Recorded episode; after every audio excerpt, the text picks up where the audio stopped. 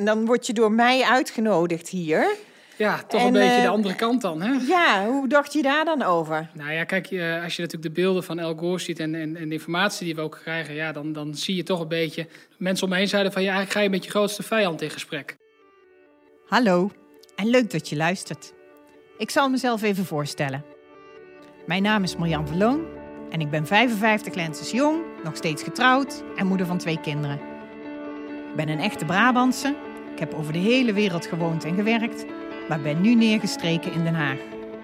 En ik ben president-directeur van Shell Nederland. Ja, en als vrouw aan het roer van één van de grootste energiebedrijven van Nederland weet Marjan ook heus wel dat er nog een hoop moet gebeuren om de wereld groener te maken. En daarom gaat ze in gesprek met voor haar nog onbekende klimaatbewuste jongeren die allemaal gek zijn op één ding: duurzame energie. Haar gasten hebben een duidelijke visie op wat er moet gebeuren, staan met twee benen in de energietransitie en deinzen er niet voor terug om Shell's leading lady ook kritische vragen te stellen. En dat zorgt voor pittige gesprekken en meningsverschillen. Maar je hoeft het ook niet altijd met elkaar eens te zijn, toch? Dit is Marjan krijgt nieuwe energie, de podcast. Ja, eens gelijk. Ja. Leuk. Jo, ga lekker zitten. Dank je.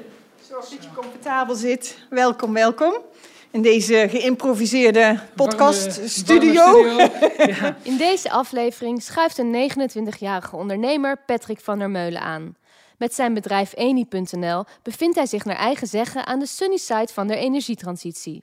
Klimaatverandering en duurzaamheid zijn bij hem top of mind. En voor zijn rol als climate leader ging hij bij niemand minder dan El Gore in de leer. Doe rustig, pak gerust. Hier staan ook wat eh, stroopwafeltjes. Welkom Patrick en wat ontzettend leuk dat jij eh, hier wilde zijn vandaag. Hoe vind je het om hier? Ja, leuk om een keer eh, aan de andere kant van de energietransitie te zijn. Ja? Ik zeg wel eens, eh, ik zit volgens mij een beetje aan de sunny side en jullie wat meer aan de dark side. Nou, dus ik vind het wel leuk om, om, om het gesprek aan te gaan. eh. Jij gaat vandaag om te me veel te de, de dag verlichten voor mij. ja, nou ja, En, veel, en veel te leren. Patrick, voor mijn beeldvorming. Jij bent een commerciële ondernemer in duurzaamheid. Wat dreef jou om dat op te pakken? Ja, nou, laatst commercieel, want dat is uiteindelijk iets, uiteindelijk verkoop je iets net als Shell. Eh, dus dat doe ik ook. Maar ik ben voornamelijk, zou me voornamelijk typeren als een, als een duurzame en impactgedreven ondernemer. En eigenlijk, ja, eh, voor mij is het zaadje een, een jaar of tien geleden geplant. Toen ik eh, samen met mijn broertje eh, Milan de do- klimaatdocumentaire van El Gore zag. An Inconvenient Truth. Over waarin hij de wereld schetste in de verdoemenis. Wij hebben die film, documentaire, meermaals thuis gekeken. Mijn vader vond het heel belangrijk dat Milan en ik die documentaire gingen bekijken. om te leren wat er gebeurde op het gebied van klimaatverandering. Juist omdat onze generatie ook zo geconfronteerd wordt met de gevolgen. En ook misschien wel de laatste generaties die er iets aan kan doen. En uiteindelijk heb ik, eh, nou ja, nogmaals, je bent, Milan was 13 en ik was 16. eh, dus je weet ook niet precies hoe je dat moet doen. Dus uiteindelijk ben ik via mijn studie in Groningen in aanraking gekomen met ondernemerschap. Eerst een elektrische auto op de markt gebracht als een, eh, als een, als een auto, als een concept. Eh, nog geprobeerd een uh, leasemaatschappij voor elektrische auto's op te richten. Niet gelukt. Het was nog ver voordat Elon Musk met Tesla op de markt kwam. Eh, en de banken zeiden, joh, elektrisch rijden, dat gaan we toch niet doen. Ehm, en uiteindelijk toen eh, eh, op de dag van mijn afstuderen eh, eh, met Eni.nl gestart. Samen met mijn vader en met mijn broertje. En inmiddels met heel veel andere collega's. Eh, bouwen wij aan de missie om zonne-energie voor iedereen beschikbaar te maken. We groeien hard. Zijn actief hier in Nederland met ons kantoor in Groningen. Met in totaal zo'n 125 collega's. Maar sinds 2019 ook actief in Zuid-Afrika. Om juist daar ook zonne-energie te brengen. Eh, we helpen daar bedrijven overstappen op zonne-energie en, eh, en accu's. Ehm, en naast mijn werk als ondernemer, wat natuurlijk een heel belangrijk deel van, van mijn leven is, want ik zie echt ondernemerschap als een middel om mijn doelen te, te behalen, eh, ben ik ook actief binnen de, de organisatie eh, van El Gore, het Climate Reality Project. Een stichting met het doel om, eh, om meer bewustzijn rondom klimaatverandering en vooral ook de mogelijkheden naar duurzame energie eh, in de wereld te verkondigen. Hoe ben je daar nou bij terechtgekomen? Ja, wat ik al zei, hè, de, het begon met die, met die ene film. En eh, we waren op een gegeven moment paar jaar bezig met Eni.nl. Toen zeiden we ook van, ja, waarom zijn we hier ook weer mee begonnen? Wat was het idee? Dus we zaten met z'n drieën weer gewoon aan tafel. En eh, met mijn vader en mijn broertje. En eh, ehm, ja, toen zeiden we, nou, het bedrijf draait. We zijn, we zijn mooi op weg. Eh, maar we willen nog zoveel meer. Nog zoveel meer bewustzijn creëren dat de klimaatcrisis de grootste crisis is die op ons afkomt. Maar toen zeiden we ook, ja, we moeten nog zoveel meer leren. Ook wetenschappelijk en hoe je dat communiceert. En toen zei mijn broertje van ja, er is maar één persoon op de wereld waar het echt van kan leren. Dat is El Gore. Maar toen zei ik ook, oh, ja, ik zeg maar, misschien een beetje te hoog gegrepen. En uiteindelijk hebben we een brief gestuurd. Met Je hebt hem een brief ja, geschreven? Met tien punten wat we graag in Nederland zouden willen doen. En uiteindelijk uh, binnen twee weken een reactie terug gehad dat hij uh, één, twee keer per jaar een opleiding geeft voor een select groepje. En uh, Milan en ik zijn toen naar Miami gegaan. Wauw. En een week opleiding gehad. Ja. ja. En je hebt hem ook gezien? Ja, zeker. Me meermaals. En toen veel voor zijn, voor zijn stichting. Dus bij veel initiatieven en klimaattoppen aanwezig geweest. Geven we enorm veel lezingen en presentaties over de klimaatcrisis. Uh, ook dat fossiele energie toch de belangrijkste oorzaak van de klimaatcrisis is. En hoe belangrijk het is om die transitie te gaan maken naar duurzame energie. Uh, en dat het ook vanaf de vandaag de dag al kan. Dus we hoeven niet meer te wachten. Je vader had misschien niet uh, kunnen voorzien wat hij met die uh, film, toen hij hem opzette, allemaal teweeg heeft gebracht. Nee, waarschijnlijk zal hij nu zeggen dat hij natuurlijk allemaal dat voorzien had. Maar nee, uiteraard niet. Net als dat hij ook niet had voorzien en ook nooit een doel was om met z'n drieën als familie een bedrijf te beginnen. Nou, tof hoor, om dat meegemaakt te hebben. En dan word je door mij uitgenodigd hier. Ja, toch een beetje de eh, andere kant dan. Hè? Ja, hoe dacht je daar dan over? Nou ja, kijk, eh, als je natuurlijk de beelden van El Gore ziet en, en, en, de informatie die we ook krijgen, ja, dan, dan zie je toch een beetje. Mensen om me heen zeiden van ja, eigenlijk ga je met je grootste vijand in gesprek. En, uh, en deels zie ik dat ook wel zo. Ik bedoel, uh, uh, ja, ik strijd tegen alles wat fossiel is en wil zo snel mogelijk de transitie maken naar duurzaam. En tegelijk moet je ook leren de perspectieven van anderen te kennen om ook samen tot verandering te kunnen komen. En uh, dat is eigenlijk ook een beetje waarom ik geïnteresseerd was. En ik begrijp ook dat heel veel mensen zeggen, dat moet je nooit doen, niet aan, ta aan tafel gaan zitten en, uh, en, je wordt voor het karretje gespannen. Maar ik heb juist zoiets van, je moet met mensen in gesprek gaan. Je moet uh, van gedachten wisselen, elkaar proberen te informeren en, en, en, en te enthousiasmeren om hoe de toekomst eruit kan zien. Nou ja, en ik ben hier om dat gesprek aan te gaan. Ja, nou, ik vind het heel erg ook moedig eigenlijk om geen angst te hebben voor de kritiek van anderen weer over dat jij hier aan tafel durft te gaan zitten. En uh, ja, ik, ik doe het vanuit de nieuwsgierigheid om uh, jouw verhaal te horen en ook uh, ja, jouw analyse, kritiek te horen, maar ook jouw bevlogenheid te horen. En laat ik in ieder geval de uitnodiging herhalen dat je alles mag vragen en mag zeggen in dit gesprek. Want ja, ik denk dat ik daar alleen maar heel veel van kan leren. Ja, en insgelijks, hè, vraag voor mij, vooral ook aan mij hoe ik naar kijk. Dan kunnen we met elkaar het gesprek Doe ik graag. Hey, we gaan het over zonne-energie hebben. Ja, zonne-energie. Maar wat weten we daar eigenlijk al van? We vragen het aan de bezoekers van de Shell tankstation in Nederland. Wat weet ik van zonne-energie? Dat het uh, heel veel scheelt op mijn energierekening. Ja, ik verdiep me niet zo in de zonne-energie, maar misschien zou ik dat wat meer moeten doen. Ik vind het beter dan uh, ja, die windmolenpark die uh, ergens in de kust komen staan. ik weet dat zonnepanelen je meer geld teruggeven aan het einde van het jaar. Zelf zou ik heel graag zonnepanelen willen. Heel graag zelfs. Een beetje van wat, nou, wat is nou de investering en uh, wat levert het uiteindelijk op? Ja, absoluut. Op uh, lange termijn is het zeker een goede investering. We hebben het nu een jaartje. En uh, we merken in dat jaartje toch wel dat het echt heel veel scheelt. Ik vind het top dat, dat ik elke, elk jaar aan het einde van het jaar een leuk bedrag terugkrijg. Ik weet wel dat het een extra spaarcentje is als je zonnepanelen hebt. Het, het is een investering als je dat zo ziet. Want je krijgt eigenlijk veel meer terug dan dat je kwijt bent voor de investering. Zelf heb ik het niet, maar mijn buurvrouw heeft het wel.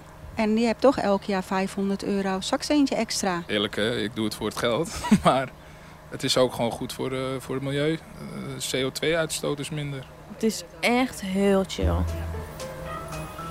Ik wil dat graag doen eh, op een ouderwetse manier. In de vorm van een spreekbeurt van 60 okay. seconden. Gewoon ja. even off the cuff, ja. uit het hart. Ik heb mijn iPhone klaargelegd. Uh, en dan ga ik kijken of ik die uh, stopwatch hier aankrijg. Ja. En dan gewoon maar zeggen wat zonne-energie voor jou betekent. Zal ik beginnen? kan, je, kan je even nadenken? En ik zet gewoon het belletje aan. Top. Nou, zonne-energie heb ik laatst uh, heel leuk over gehoord dat, uh, van iemand anders. Dus ik steel dit even.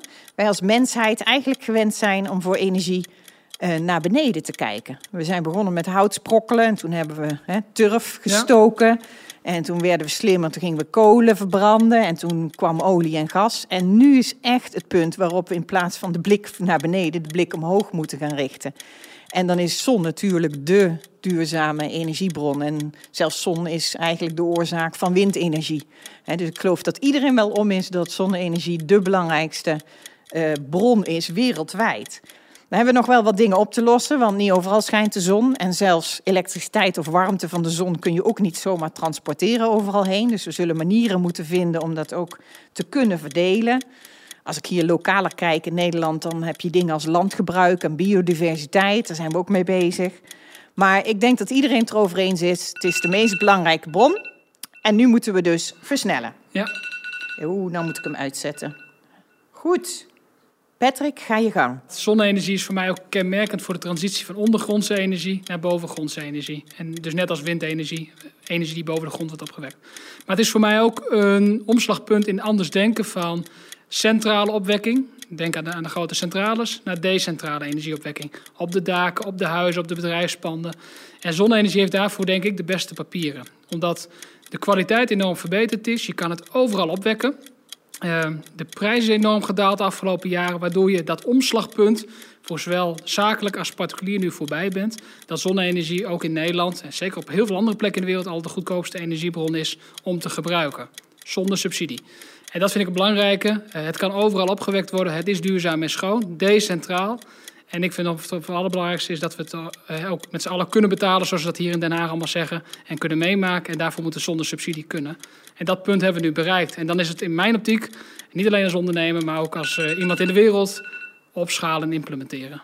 Nou, mooi, mooi verhaal. Je, je, je begon meteen met centraal en decentraal. Ja. Waarom vind je dat zo belangrijk? Nou, ik denk dat, je, dat het uh, energiesysteem zoals we dat de afgelopen decennia hebben gecreëerd, is natuurlijk centraal opgezet. Uh, we hebben een aantal grote energieopwekkers. Uh, dat kan een kolencentrale zijn, olie- of gasplant. en vanaf daar wordt opgewekt en via het energienet uiteindelijk naar een bedrijf of naar een consument toegebracht. Dat is hoe de infrastructuur is bedacht. Als je nu kijkt wat er in de wereld gebeurt, zie je eigenlijk een transitie plaatsvinden op heel veel fronten. Dat het vanuit centrale infrastructuur naar decentraal toe gaat. Je hebt het gezien met telefonie, met internet, met informatievoorziening. En ik denk dat energie ook, uh, zeker de energietransitie, gekenmerkt gaat worden door decentrale opwekking. En dat betekent dat eigenlijk elk dak, elke woning of elk bedrijfspand omgebouwd zou moeten worden tot een duurzame energiebron. Omdat je die energie primair die opwekt, primair zelf gebruikt.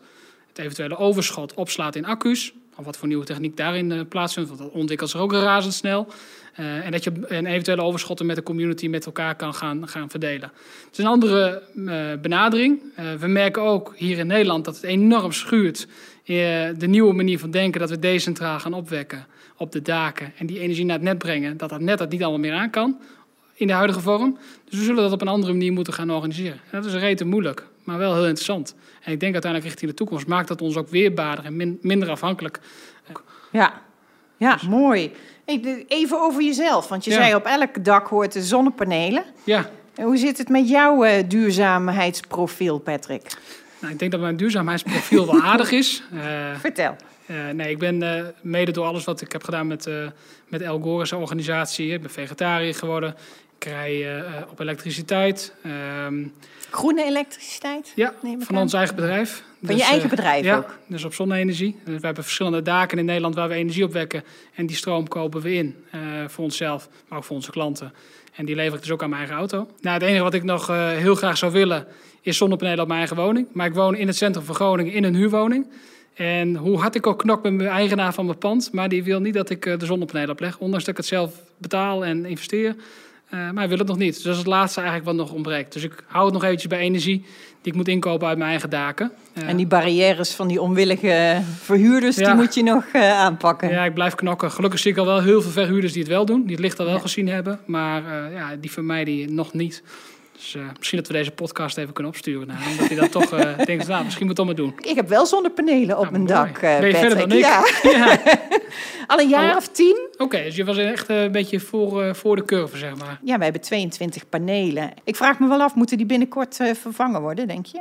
Tien jaar oud? Hoe nou, lang gaan ze mee? Nou, Want ze doen het nog goed. Ja, ik zou zeggen, eh, en ze worden natuurlijk elk jaar normaal gesproken een beetje minder. Maar in principe kan een zonnepaneel zo tussen de 25 en 30 jaar mee. Eh, Ja. Dat is ook wel de garanties zijn die de meeste fabrikanten tegenwoordig op geven voor levensduur. Ja, die techniek blijft zich doorontwikkelen. En dus daarop zeg ik, doordat we implementeren met z'n allen, Ja. ontwikkelt er ook, is er ook mogelijkheden om te investeren. Want als niemand iets afneemt en zegt, nou we wachten wel lekker, dan is er ook geen geld bij die fabrikanten om door te ontwikkelen. Je hebt ook, of althans bent bezig met eh, Zuid-Afrika. Hm. Eh, vlieg je veel? Ja, Ja, nu even niet natuurlijk. Nee, maar, maar sowieso valt het wel mee. Mhm. Uiteraard moet ik wel eens in zoveel tijd in Zuid-Afrika zijn.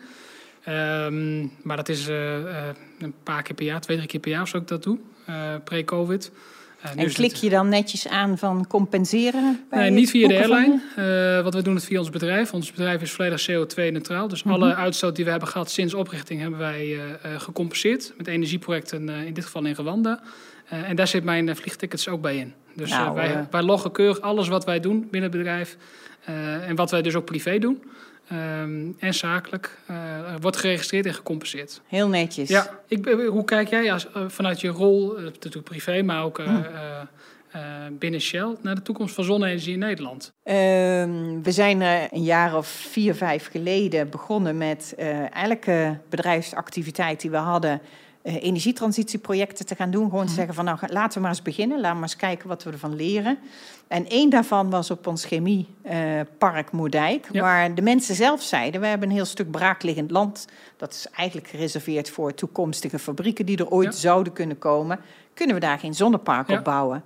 En toen dacht onze eh, afdeling zon, eh, eh, zonne-energie, die hè, wereldwijd actief is, van ja, goh, Nederland, daar schijnt eigenlijk de zon niet genoeg om heel efficiënt te zijn, dus dat krijgen wij nooit rendabel. Toen hebben de medewerkers het zelf uitgewerkt. Daar Ja. hebben we ze een beetje bij gesteund als Shell Nederland. Van nou, ga zelf maar eens kijken of het kan. En toen kon het dus wel. Dus Ja. soms moet je ook net iets verder kijken. Iets, iets meer uitvoeren om te zien wat er wel en niet kan. En eh, daar hebben we toen een mooi park aan kunnen leggen. En dat heeft eigenlijk de inspiratie gegeven aan onze eh, businessafdeling... Mhm. om veel beter naar Nederland te kijken. En sinds die tijd hè, hebben we parken in Heerenveen gebouwd. We zijn er nu aan het bouwen in Sas van Gent.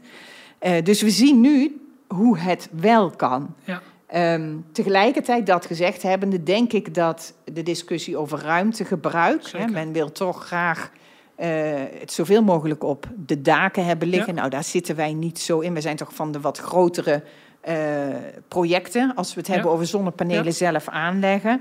Eh, dat ruimtegebruik en de biodiversiteit, het gebruik van, van landbouwgrond gaat wel een discussie worden. Ja, eens. Als bedrijf hè, zullen we proberen die parken aan te leggen waar het wel kan en waar het Mhm. gesteund wordt. En we zijn natuurlijk wel heel erg geïnteresseerd in duurzame stroom. Dus we kopen en verhandelen veel Ja. duurzame stroom. Dus we kopen het op. Windparken, zonneparken. We, we verkopen het door Ja.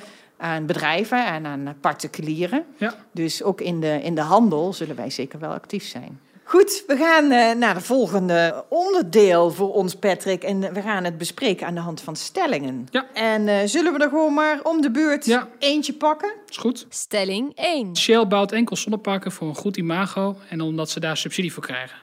Dat is denk ik een vraag aan jou, eh, Marjan. Ja, eh, kijk, als ik eh, denk aan wat we doen, dan doen we dat niet puur voor een goed imago. Dan zo zet je een bedrijf niet op. Je probeert natuurlijk wel de dingen te doen die goed doen, hè, Mhm. die goed zijn. Dus je imago is wel een resultante van de dingen die je doet. Dat Ja. klopt. Eh, maar je probeert dingen te doen die passen bij je bedrijf. Ehm, het is zo dat je voor sommige eh, projecten nog subsidie nodig hebt. Mhm. Eh, en dat is ook helemaal niet erg, denk ik, als het maar ook heel duidelijk is eh, wat de randvoorwaarden zijn. En als je gaat naar een model, precies wat jij uitlegde, waar je ziet dat je op den duur eigenlijk steeds minder subsidie nodig hebt. Ja. En toewerkt naar die nieuwe markt. Dus ja, we, we doen allerlei projecten met en zonder subsidie.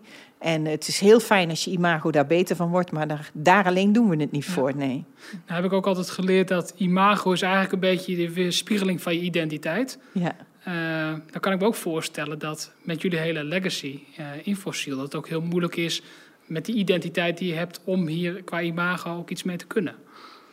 Omdat je die identiteit natuurlijk anders is dan een, een duurzaam zonne-energiebedrijf, eh, zoals bijvoorbeeld dat van mij. Ja, wij zullen, wij zullen harder eraan moeten trekken, omdat we natuurlijk zo'n groot bedrijf zijn dat we ook nog een hele fossiele sector hebben, Ja. die gewoon nu nog ja, een, een groot hart van het bedrijf is. Dus daar heb je gelijk in. Tegelijkertijd hebben we een grote merksbekendheid, Ja. naambekendheid. Dat helpt dan wel weer in hè, welke projecten je doet. En uiteindelijk zul je moeten overtuigen door, hè, door de activiteiten. Eh, we zijn al heel vaak van activiteiten veranderd in de historie van Ja. ons bedrijf. Als ik kijk hoe we begonnen zijn hè, met eh, lampenolie en schelpen. Ja. En eh, we hebben ook in, al in van alles gezeten, hè, van, van bosbouw. En we hadden het al over zonnepanelen. En ja, nu gaan we naar het energiesysteem van de toekomst. Dus we zullen hard moeten werken. Mensen vinden het ooit moeilijk om te geloven dat wij het prima vinden om de fossiele sector af te bouwen en de duurzame op te bouwen. Hè, dat, je, dat je daar kansen in ziet. Maar je hebt voorlopig nog wel eens zo'n portfolio. En dan is het moeilijker om als ja, hip, jong, duurzaam bedrijf uh, over de bühne te komen. Daar, daar, zullen wij wat harder voor moeten werken. Stelling 2. Zonne-energie is in Nederland, waar de zon weinig schijnt, niet rendabel. Daar ben ik niet helemaal uh, eens met de stelling. Een paar jaar geleden wel. Uh, toen kon het inderdaad nog niet technisch niet uit. Om, omdat de techniek nog niet dusdanig was doorontwikkeld om dat te kunnen doen. En had je dus subsidies nodig om dat, om, om, dat gat te dichten. Inmiddels zijn we dat punt voorbij zowel consumenten, daar was dat in 2017 haalden we dat punt dat, dat zonne-energie gewoon uh, uit kon. Uh, en nu ook in, in het bij de ondernemers. Uh, de grote industrie heeft daar nog wel meer moeite mee, omdat die zo extreem laag energietarieven betalen, dat daar vaak nog subsidie bij moet. Maar voor het grootste gedeelte van, van Nederland kan het gewoon al uit om op, op zonne-energie te draaien, volledig. En ook zonder subsidies. Ja, hoe groot kan het worden? Hoeveel kan het groeien? Nou, de markt groeit nu al met zo'n 40% per jaar, ook in, in COVID-tijd. Dus dat gaat al redelijk rap, maar in mijn optiek niet snel genoeg. We zitten nu op een paar procent zonne-energie in de totale energiemix van Nederland. Tegelijk, als je kijkt naar de potentie, dan heb je zeg maar zo'n 8 miljoen huishoudens. Daarvan hebben nu 1 miljoen hebben zonnepanelen op de daken, dus er zijn nog 6 miljoen te winnen.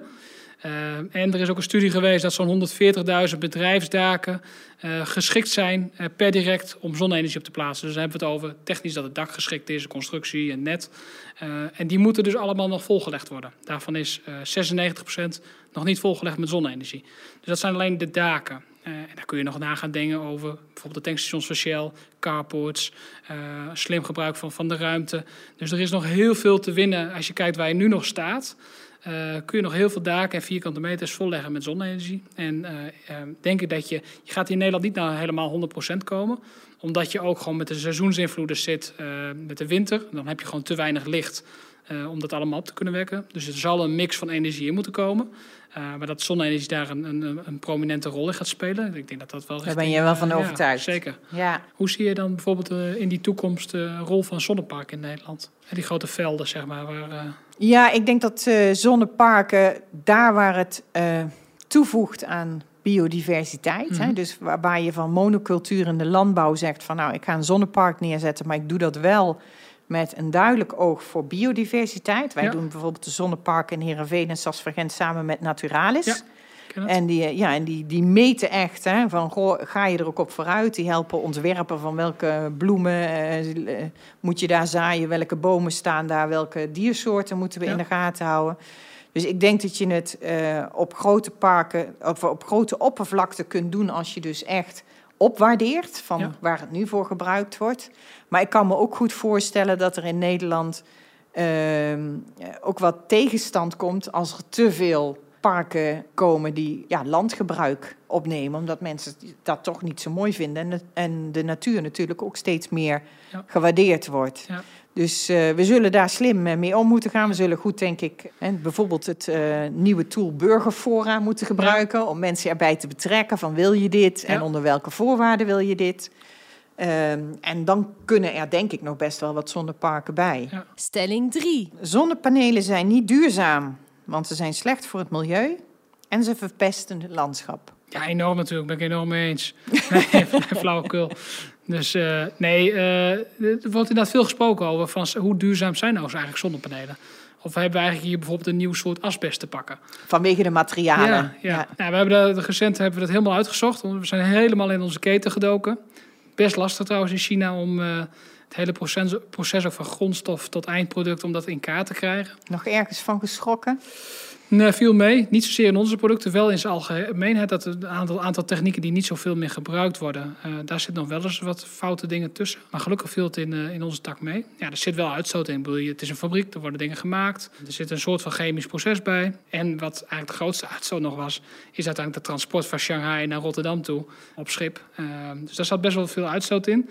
Dus dan zijn we gaan kijken van hoe lang heb je nou eigenlijk nodig? Hoe lang moet je die zonnepanelen op je dak neerleggen om die hele uitstoot weer gecompenseerd te krijgen? Nou, dat is zeg maar onder de twee jaar. Dus dat viel me nog wel mee.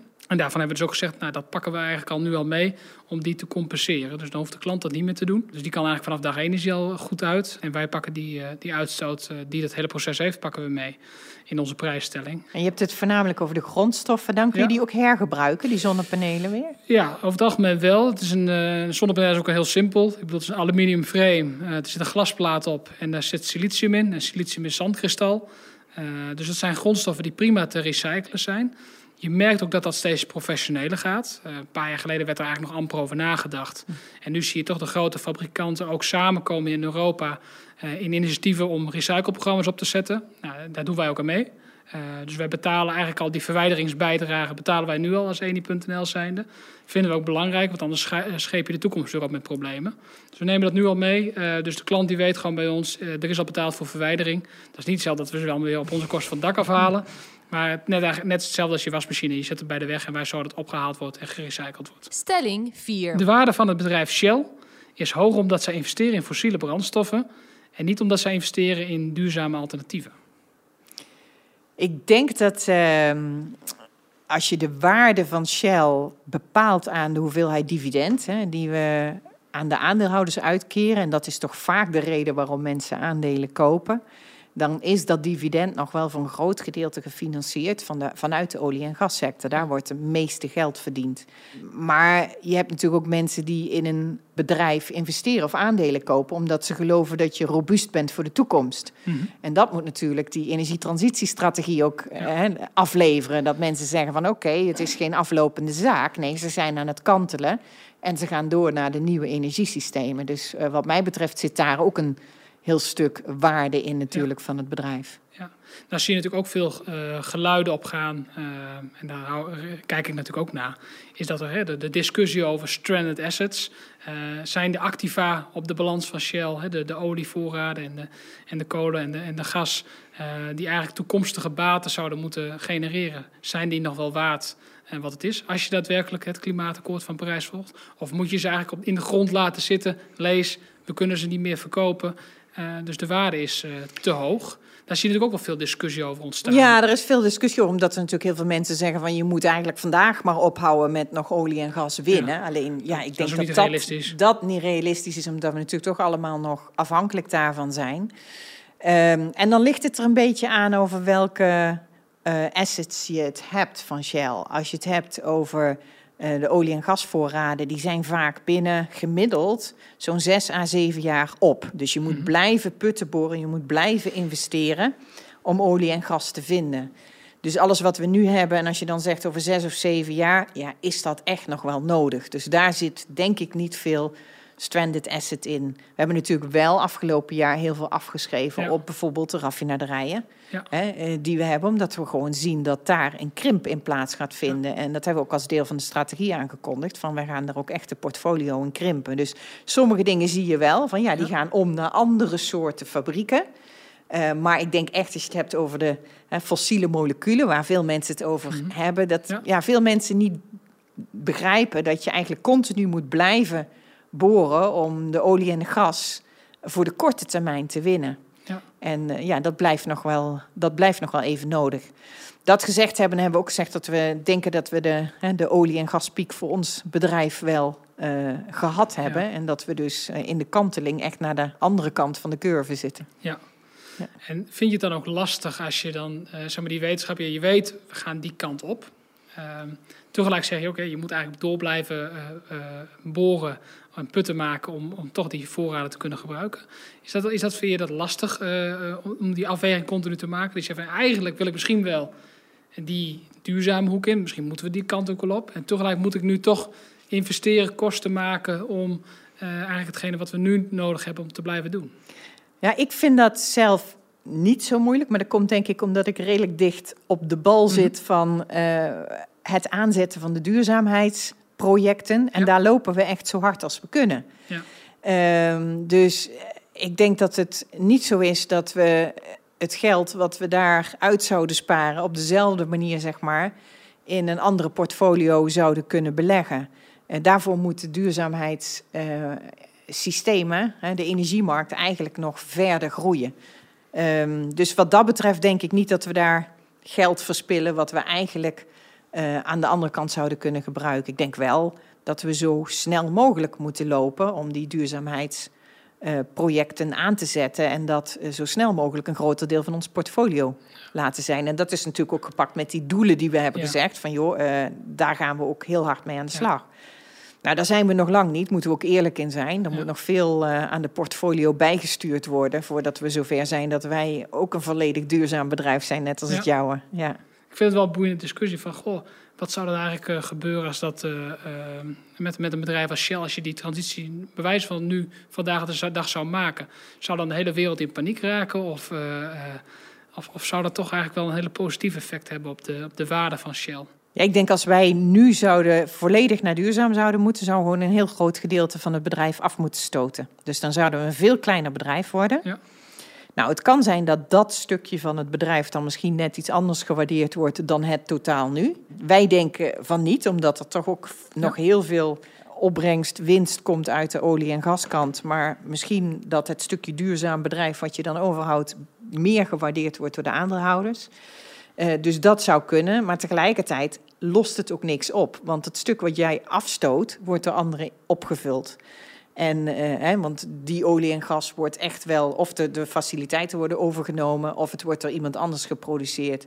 Vandaar dat onze strategie is, wij gaan onze klanten andere producten verkopen. We gaan niet onze klanten weggeven aan een ander bedrijf, maar we gaan ze meenemen in nieuwe producten die wij willen ontwikkelen. Ja. Stelling 5. Het plaatsen van zonnepanelen is voor de consument te duur en niet aantrekkelijk. Waarom heeft nog niet heel Nederlandse? Dat is wel leuk. Ik kwam hier net de studio binnenlopen en toen sprak ik met een eh, collega van jou en zei: Goh, Patrick, je zit in de zonne-energie. En eh, wat nou als ik thuis eh, ook zonnepanelen zou willen installeren? Wat kost mij dat dan? Ja, ik zei: gemiddelde klant bij mij is ongeveer zo'n 3500 euro kwijt om zelfvoorzienend te worden met zonne-energie. Ik zeg: Joh, 3500 euro. Ik leefde nog in de wereld dat het 20.000 euro kostte. Dat was natuurlijk een aantal jaar geleden wel de, het geval. En dus je ziet dat die prijs natuurlijk heel laag is, maar dat de perceptie bij heel veel mensen nog steeds leeft. Bij alle eh, calls die wij elke week hebben met onze klanten, hè, met de, de gesprekken die we met klanten voeren, is nog steeds van: oh, het valt me eigenlijk mee. Het is goedkoper dan ik dacht. Het, het verdient sneller terug dan ik dacht. En voor de mensen die zeggen van, joh, ik wil nog niet investeren, of ik kan simpelweg niet investeren omdat ik de middelen niet heb, nou, dan kun je ook overstappen bijvoorbeeld een huur. Eh, dat is dan iets wat wij bieden, dat je gewoon per maand voor je zonnepanelen betaalt. Nou, ben je wel vanaf dag één goedkoper uit dan eh, de stroom van de, van de energiemaatschappijen kopen. Dus ze besparen wel. Nou ja, en, en dan maak je het in één keer heel toegankelijk voor mensen om die stap wel te maken. Dus ik denk die discussie over het is nog eh, niet aantrekkelijk, dat die wel voorbij is. Het is heel aantrekkelijk in Nederland om te doen. En op heel veel plekken al. Het is er nog eentje in de bewustwording en in de, het weten dat het kan.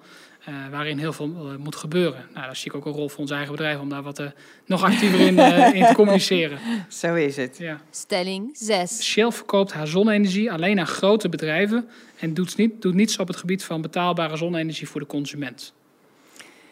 Ehm, we hebben een paar zonneparken gebouwd. En klopt dat daar eigenlijk de levering direct hè, van die elektronen aan de consument nog beperkt is? Dat had ook te maken met aansluitingen. Hè. Dus heb je daar ook de kabels liggen van Ja. een zonnepark in Moerdijk, eh, wat ook ergens het net op kan? Heb je de vergunningen? Mag het? Dus daar liepen we, lopen we vaak tegenaan. Eh dan compenseren we dat wel door dat zeg maar, eh, hè, met een ander boogje Ja. eh, toch beschikbaar te maken. Dus om budgetten beschikbaar te stellen. En we verkopen natuurlijk wel groene stroom aan consumenten. Ja. Dus soms eh, lukt het nog niet fysiek. Eh, Nee, maar, het is we, ook lastig met alle maar, kabeltjes. ja, maar we bieden het wel aan natuurlijk. Stelling 7. Zonne-energie is de beste vorm van groene energie. Beter dan windenergie. Beter dan andere vormen. Ja, ik denk, ik Geothermie. denk dat, dat zon en wind beide hele interessante aspecten hebben. Eh, wat ik altijd een heel mooi feitje aan zonne-energie vind, is dat in één uur tijd er genoeg energie van de zon naar de aarde komt om de totale eh, energiebehoefte voor een jaar op te kunnen wekken. Moet je natuurlijk wel genoeg opwekcapaciteit hebben om dat te kunnen doen. Eh, maar het is natuurlijk wel een, een, een kernreactor die boven ons hoofd hangt elke dag en die elke ochtend weer opkomt. En met een hele hoge betrouwbaarheidsfactor schijnt. en die voorlopig ook niet stopt met schijnen. En daarin vind ik zonne-energie wel eh, een hele interessante vorm. Dus hij is onuitputtelijk. Eh, windenergie heeft dat ook. Ik bedoel, dat is, heeft ook een hele hoge betrouwbaarheid. En dat kan ook eh, voor maar 18 keer de totale capaciteit wereldwijd aan energie opwekken. Dus beide zijn interessant. Maar ik denk dat zonne-energie ook vanuit het decentrale en vanuit het draagvlak vanuit de consument, onder andere tegen de, de grote windpark in achtertuin, dat zonne-energie de beste papier heeft om dat te doen. nog meer dan andere vormen van energie. Ja. Hoe zie jij dat? Ja, ik denk dat ze, precies wat je zegt, allebei nodig zijn. Maar ook dat ze in verschillende plekken van de aarde natuurlijk makkelijker toegankelijker zijn. Hè? Waar we hier aan de Noordzee zitten en natuurlijk heel veel wind op zee hebben in Nederland. En misschien wat minder zon of te weinig zon, eh, naar mijn mening. Eh, als je midden in Afrika zit, eh, dan kan je natuurlijk veel beter doen met zonne-energie. Dus het is ook van waar zit je op de aardbol wat het beste is. En dan over het algeheel genomen denk ik dat er meer potentie is voor zonne-energie dan voor wind. Ja. Als je dat bij elkaar optelt. Maar ze zullen naast elkaar bestaan, Ja. denk ik. Ik geloof ook niet zo dat er één energiebron het gaat worden. Nee. Eh, of dat er één oplossing gaat worden die alles op gaat lossen rondom klimaatverandering. Het, het zal een combinatie nodig. zijn. Ja, Ja. ja. Stelling 8. Heb jij er nog een Ik, laatste? ik heb de laatste. En eh, nou, ik hoop wel dat we een beetje positief kunnen eindigen. Hoor. Want de, Oh, stelling, ja, is- ja, de, ja, stelling, ja. de stelling is wel pittig. Eh, Shell praat wel groen, maar handelt voornamelijk grijs. Ehm, ik eh, vind zelf dat we heel druk bezig zijn, zeker als ik praat over Nederland, hè, waar ik Mhm. dan voor verantwoordelijk ben, eh, met heel veel energietransitieprojecten. Eigenlijk alle eh, bedrijfsactiviteiten zijn daar druk mee bezig. Vorig jaar in een heel moeilijk economisch jaar, hè, corona, en het zeker voor ons bedrijf, als je het een beetje gevolgd hebt met Zeker. aandeelkoersen en zo. Ja.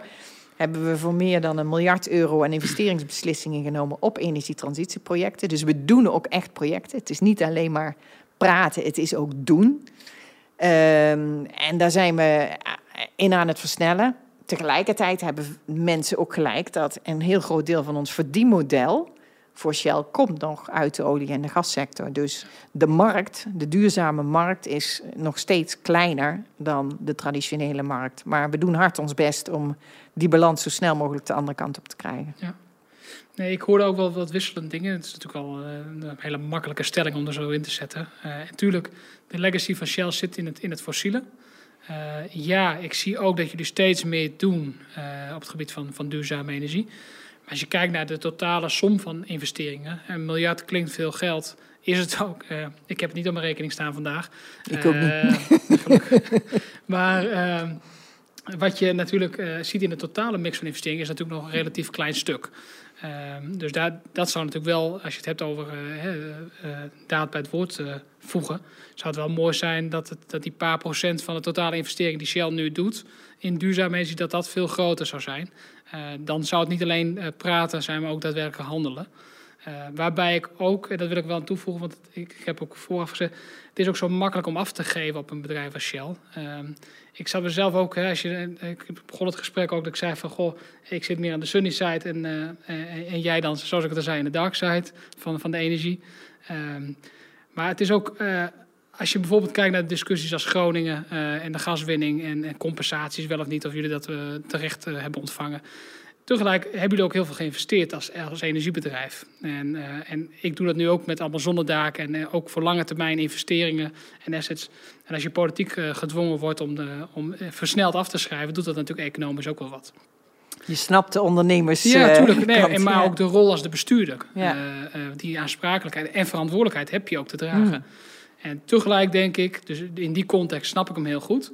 En tegelijk denk ik dat het voor Shell de toekomst, die zo ook rooskleurig kan zijn, dat als jullie nog meer die kant op gaan waar ik nu zit, dus naar de sunny side toe, eh, dat voor Shell en ook de aandeelhouders, maar ook het hele perspectief van Shell in de wereld, eh, nog veel zonniger zal eh, kunnen gaan worden. Nou, ik neem de uitnodiging aan. We zitten eraan te komen, Patrick. Top. Waarom is de energietransitie nou zo belangrijk voor jou als persoon? Nou, ik denk dat eh, de energietransitie is voor mij eh, onderdeel van de hele klimaatverandering die plaatsvindt. En de energietransitie is daar het belangrijkste dossier in om uiteindelijk de klimaatcrisis in de wereld op te kunnen lossen. Dus voor mij is het essentieel dat we zo snel mogelijk eh, overstappen op duurzame energievormen. En ik heb daar mijn persoonlijke missie van gemaakt en ik geef daar uitvoering aan in mijn bedrijf. Dat is mijn middel om het eh, waar te maken. Eh, ik denk dat eh, met z'n allen overstappen op duurzame energie, dat dat heel veel toekomstperspectief biedt. En ik wil daar graag aan meebouwen. En daarom eh, werk me helemaal kapot om dat te doen.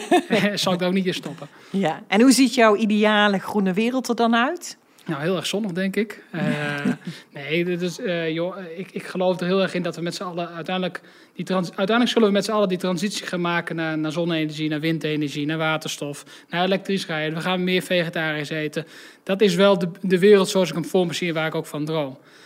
De vraag gaat zijn, uh, want dat we het gaan halen, dat weet ik zeker. Daar ben ik van overtuigd. Daar knok ik ook voor. De vraag alleen gaat zijn, hoe snel? En gaat het snel genoeg? Ja. Daar zitten mijn zorgen nog wel. En tegelijk, uh, met alleen zorgen heb je niks. Dus je kan me beter ervoor strijden om het uh, waar te maken. En dat, Gewoon dingen doen. Ja. Juist. Ik, heb, ik, zat, ik zat wel eens na te denken, ook in voorbereiding op dit gesprek met de wetenschap die je dan zeg maar vandaag de dag hebt. Hè, de ontwikkeling die natuurlijk plaats heeft gevonden en, en, en, alles wat we ook weten rondom klimaatverandering.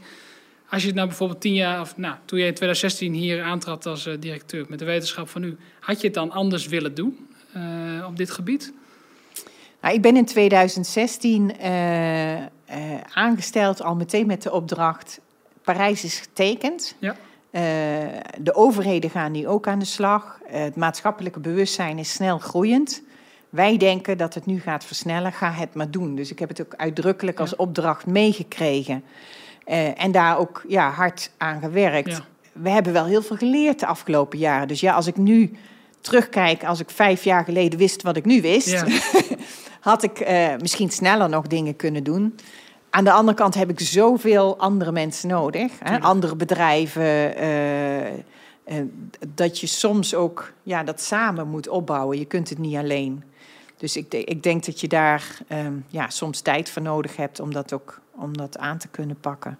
Ja, ja. Is dat zo, denk je, dat, uh, dat Shell het niet alleen zou kunnen hier in Nederland?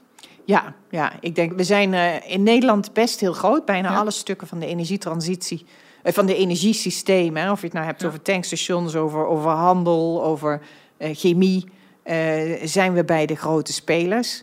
Uh, maar al die nieuwe waardeketens waar we het nu over ja. hebben, heb je altijd andere mensen voor nodig, andere bedrijven. Je hebt de klanten nodig en soms Mhm. zijn dat ook andere klanten hè, Ja. die, die hier waarde aan geven. Ja. Het zijn niet altijd je klanten die je al Nee. kende. Nee. Je, par- je partners in je projecten zijn soms de mensen met wie je concurreerde.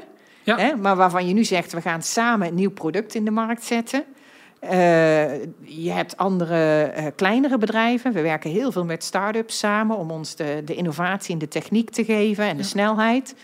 En natuurlijk de overheid moet op een gegeven moment ook mee kunnen Ja. met eh, bepaalde projectvoorstellen die je doet. Dus Ja. eh, het- we hebben echt wel anderen nodig.